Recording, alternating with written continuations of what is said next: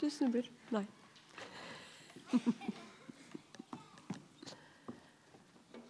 Så litt lenger innover sånn. Ja. Nei, andre veien. Andre veien. Jeg må bare dirigere litt. Å, det går bra sikkert. Du henger fast her. Vi lar den stå ved Eivind. Nå skal jeg gjøre noe som er kjempevanskelig. Jeg jukser litt. Uh. Har noen av dere gått opp en trapp i baklengs før? Med speil? Nei. Uh, der var bordet. Det er ganske vanskelig. Det er kjempevanskelig faktisk å gå baklengs med et speil. Rygge bil er mye lettere, på en måte, for jeg er ikke så vant til å gå baklengs med et speil. Og av og til så kan liksom livets store spørsmål være nesten som det å gå baklengs og bare se gjennom et speil. Det her med Gud kan nesten arte seg som om vi bare ser i et speil. At det er vanskelig å forstå. Det blir nesten som å gjette litt gåter. Og apropos gåter er dere klare for ei gåte? Ja. Nå skal dere høre her. Det var en gang en perfekt kvinne og en perfekt mann som møtte hverandre. Søt musikk oppsto, og de ble et perfekt par. Hadde det helt fantastisk og tenkte at vi må jo gifte oss. Og det gjorde de. De gifta seg og fikk et helt perfekt ekteskap hadde helt nydelig. Og så var det én julaften. De kjørte av gårde i sin perfekte bil. Det snødde sånn perfekt julesnø ned. Og så ser de at i veikanten står det en kar som har havarert. Og så tenkte de, perfekte som de var, at vi må jo hjelpe. Så de stopper og ser at det er julenissen som er der. Og han har punktert og han kommer ikke ut med gavene til alle barna. Og de tenker 'hopp inn i bilen min'. Dere, du kan kjøre med oss. Vi skal kjøre deg rundt alle barna. Sier det perfekte paret. Så kjører de rundt. Men så begynner det å snø enda mer. Og så krasjer de. Og det går skikkelig dårlig, så faktisk bare én overlever. Og her er vi ved gåtens kjerne. Hvem overlever? Har noen et godt forslag som ikke var på første møte?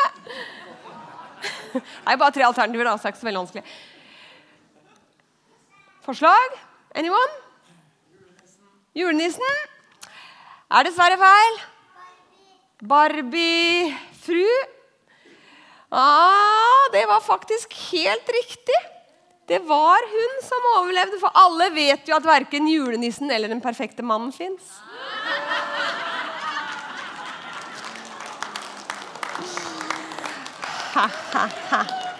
Men, men, hør litt lenger. For det betyr jo bare én ting, det. At det var hun som kjørte bilen. Og det forklarer ulykken.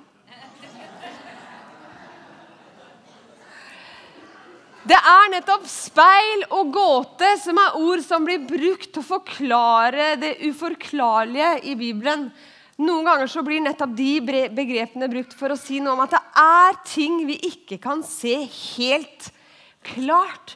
For det her med Gud kan være vanskelig å forstå nettopp fordi han er Gud.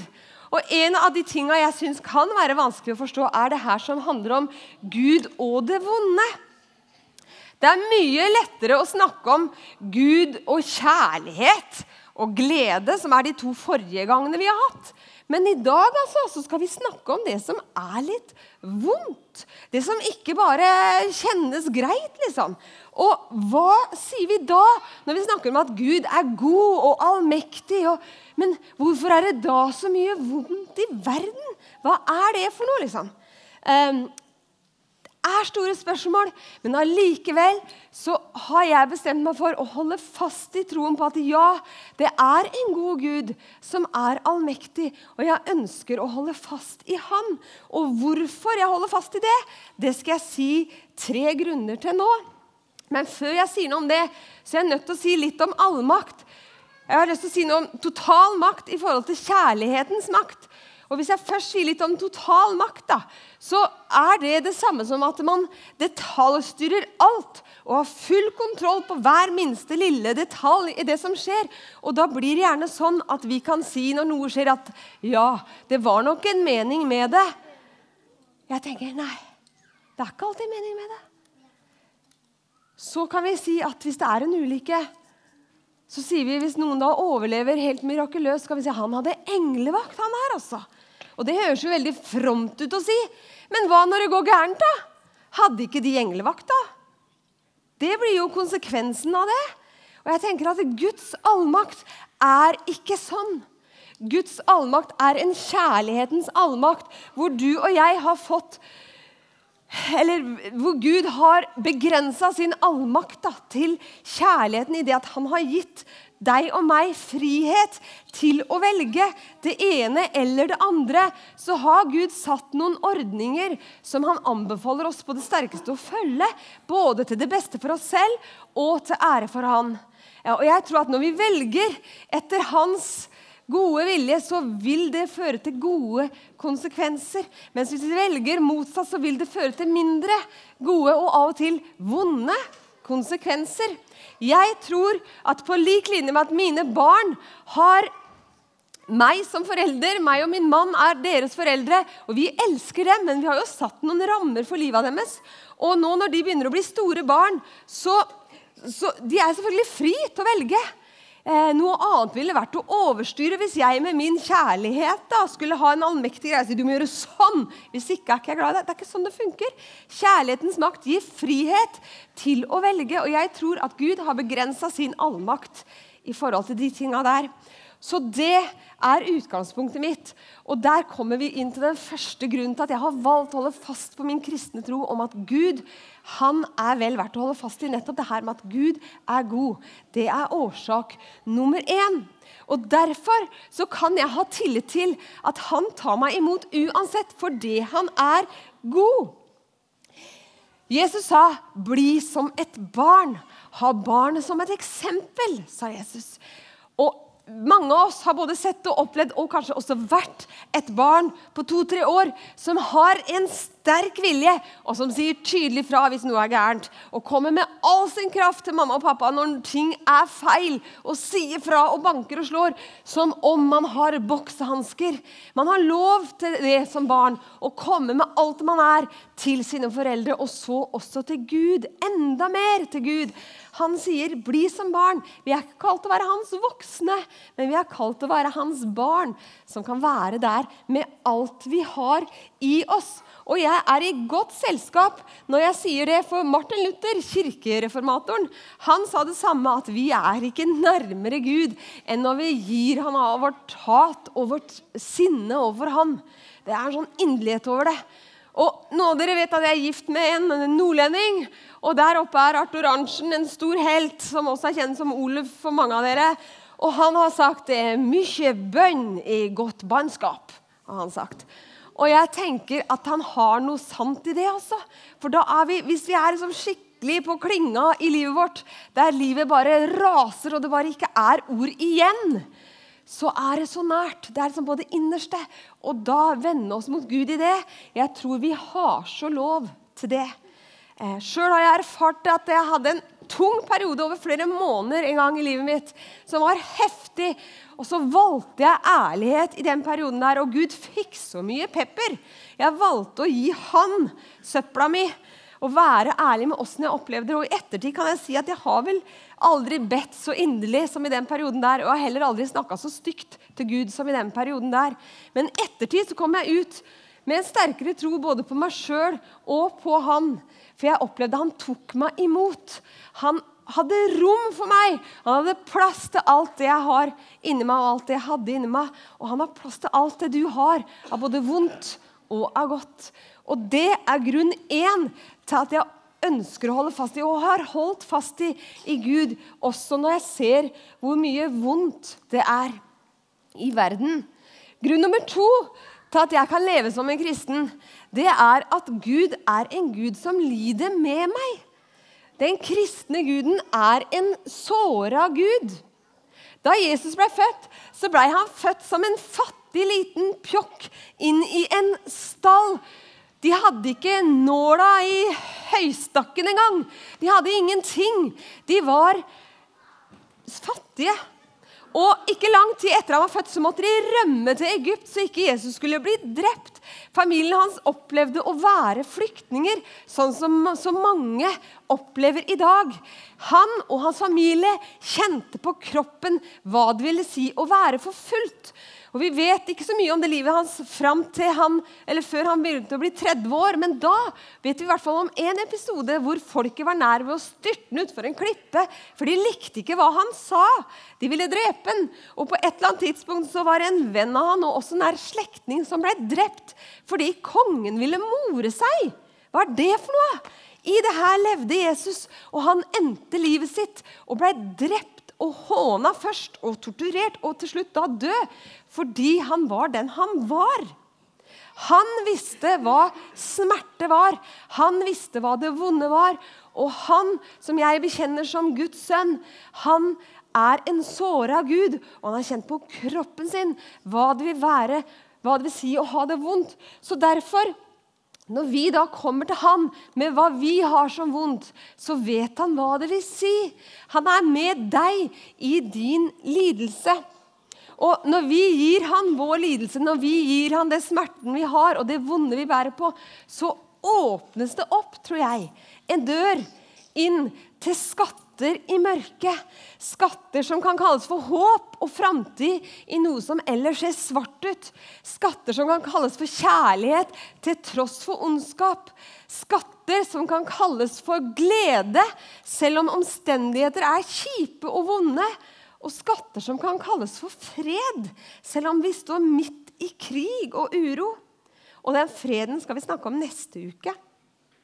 Men disse her skattene de kan vi finne i Bibelen, der kan det plutselig poppe opp vers som matcher inn i mitt liv akkurat der jeg står i dag. Eller vi kan, når vi lar det bli stille, kjenne en sånn fornemmelse i tankene våre at vi kan bli minna på noe. Få noen ord i hjertet vårt, i tankene våre, som er Gud som hvisker inn i vårt liv. Eller han kan også bruke andre mennesker som forteller oss sannheten om seg selv og om oss, og om oss i sammen. Jeg tror at Gud har skatter for oss i dette mørket som kalles det vonde.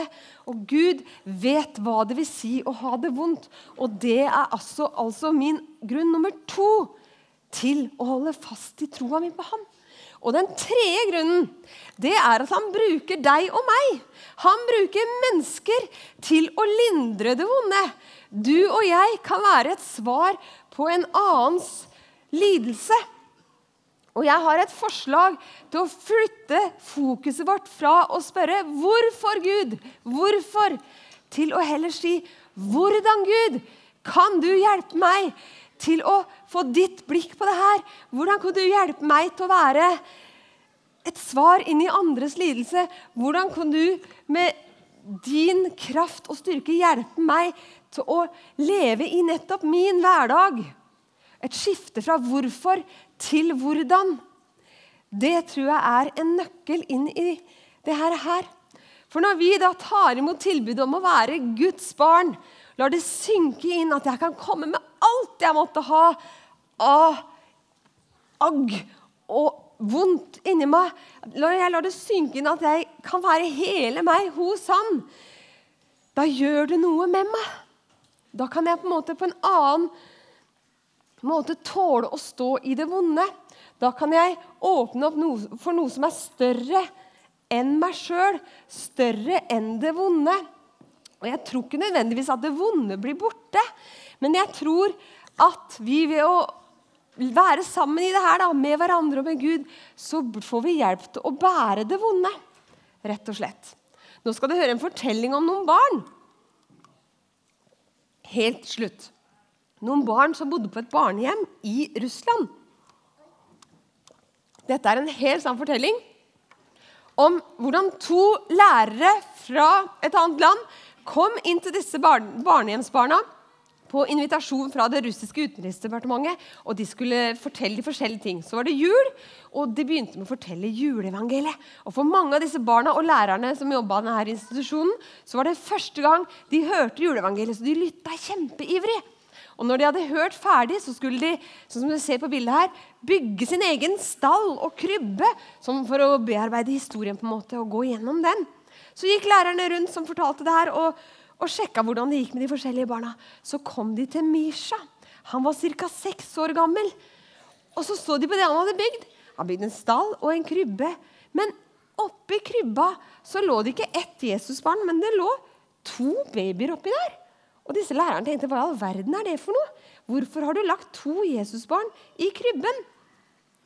Så forteller Misha, gjenforteller juleevangeliet nesten ordrett av det han har hørt, enda det var første gang han hadde hørt det noensinne. Men da han kommer til det punktet hvor Maria svøper barnet og legger det i krybben, så forteller han dette. Idet Maria la Jesusbarnet i krybben, så så Jesus på meg, forteller Misha. Og så spurte Jesus om jeg hadde et sted å være. Jeg fortalte at jeg hadde verken mamma eller pappa eller noe hjem. Da sa Jesus at jeg kunne være hos ham. Jeg svarte at det kunne jeg nok ikke, for jeg hadde nemlig ingen gaver, sånn som alle de andre hadde. Men jeg hadde så fryktelig lyst til å være hos ham, fortalte Misha. Så jeg prøvde å komme på noe jeg kunne bruke som gave. Så jeg spurte Jesus om jeg holder deg varm, kan det være god nok gave? Og Jesus svarte, hvis du holder meg varm, så er det den beste gaven jeg noen gang kunne få. Så da krøp jeg opp i krybben sammen med Jesus.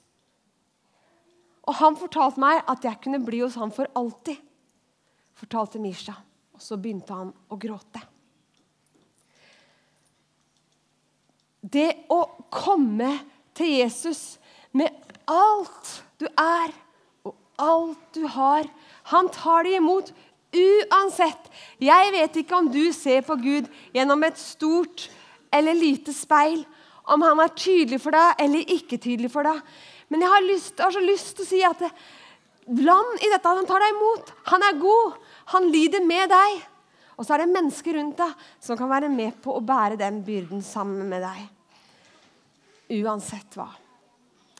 Herre Jesus, jeg vil si takk for at du er god. Takk for at du inviterer oss opp i krybben sammen med deg. At vi kan ligge der med deg med alt vi er, og at du tar imot oss uansett. og Vi kan på en måte bokse løs når vi har behov for det. Vi kan gråte når vi har behov for det, og vi kan le når vi har behov for det. Herre. Takk at du tar oss imot fordi du er god. Takk at du vil vise oss skatter som er skjult i det mørke, og takk for at du kan bruke oss alle sammen i å lindre hverandres smerte. Jeg ber om at du skal gjøre det, Herre. Amen.